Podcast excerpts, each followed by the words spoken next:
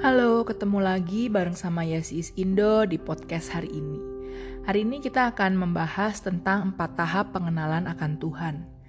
Jika kita berpergian ke daerah yang asing, tentu kita membutuhkan peta. Tujuannya agar kita memahami sampai di mana posisi perjalanan kita. Demikian juga dengan perjalanan kekristenan kita. Tentu kita ingin tahu sampai di manakah kita sudah bertumbuh Lantas, apakah parameter pertumbuhan yang tepat? Banyak orang merasa dirinya bertumbuh, tapi apakah perasaan kita cukup valid dalam mengukur pertumbuhan rohani kita? Yohanes 17 ayat 3 berkata, Inilah hidup yang kekal itu, yaitu bahwa mereka mengenal engkau satu-satunya Allah yang benar, dan mengenal Yesus Kristus yang telah engkau utus.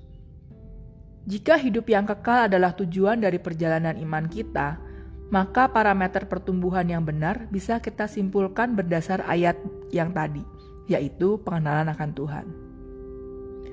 Ada empat tahap pengenalan yang dapat membantu kita mengukur sampai di posisi manakah kita telah bertumbuh. Yang pertama, perjumpaan agama. Apa yang membuat kamu memutuskan beragama Kristen? Pernahkah kamu mempertanyakan hal ini? Apakah itu hanya karena agama warisan dari orang tua, atau memang lingkungan di sekitarmu beragama Kristen? Atau mungkin karena pasangan hidupmu beragama Kristen? Tahun 2002, Barna melalui sebuah riset menyatakan 70% pelajar sekolah menengah atas tidak lagi datang ke gereja setelah mereka meninggalkan rumah orang tua mereka untuk melanjutkan pendidikan mereka. Jika demikian, maka artinya ada banyak anak muda Kristen yang sebetulnya pergi ke gereja hanya karena tuntutan orang tua atau kebiasaan keluarga saja. Tidak ada yang salah dari tahapan perjumpaan agama, karena semua orang pasti akan mengalami hal ini. Tapi seharusnya jangan berhenti sampai di tahap ini saja. Tahun 2006 Barna juga pernah menyatakan bahwa 8 dari 10 orang percaya yang setiap hari Minggu ke gereja ternyata tidak pernah mengalami perjumpaan pribadi dengan Tuhan. Kesimpulannya, rajin datang kebaktian atau ibadah tentu bisa membuat kita jadi semakin banyak tahu tentang Tuhan. Tapi hal itu tidak menjamin bahwa kamu bisa mengalami Tuhan. Yang kedua adalah tahap perkenalan atau perjumpaan pribadi dengan Tuhan. Di tahap perkenalan ini, kita mengalami perjumpaan pribadi bersama dengan Tuhan sehingga Tuhan bukan cuma sebatas pengetahuan saja, tapi pengalaman pribadi. Beberapa di antara kita mungkin pernah mengalami perjumpaan dengan Tuhan di retret gereja, KKR, ibadah, atau bisa saja saat kita berdoa di kamar pribadi kita. Di fase ini, kita merasakan dan semakin meyakini kalau Tuhan itu nyata, karena kita bisa merasakan kehadirannya dalam hidup kita. Yang ketiga adalah tahap pengenalan. Kita bisa saja mengalami perjumpaan, tapi tidak berlanjut ke tahap pengenalan. Ilustrasinya seperti saat kita berkenalan dengan orang baru di ibadah minggu dan saling bertukar nomor handphone. Tapi setelah itu kita tidak lagi saling kontak alias komunikasinya nggak dilanjutin. Bisa aja kita pernah ngalamin perjumpaan pribadi dengan Tuhan di masa lalu.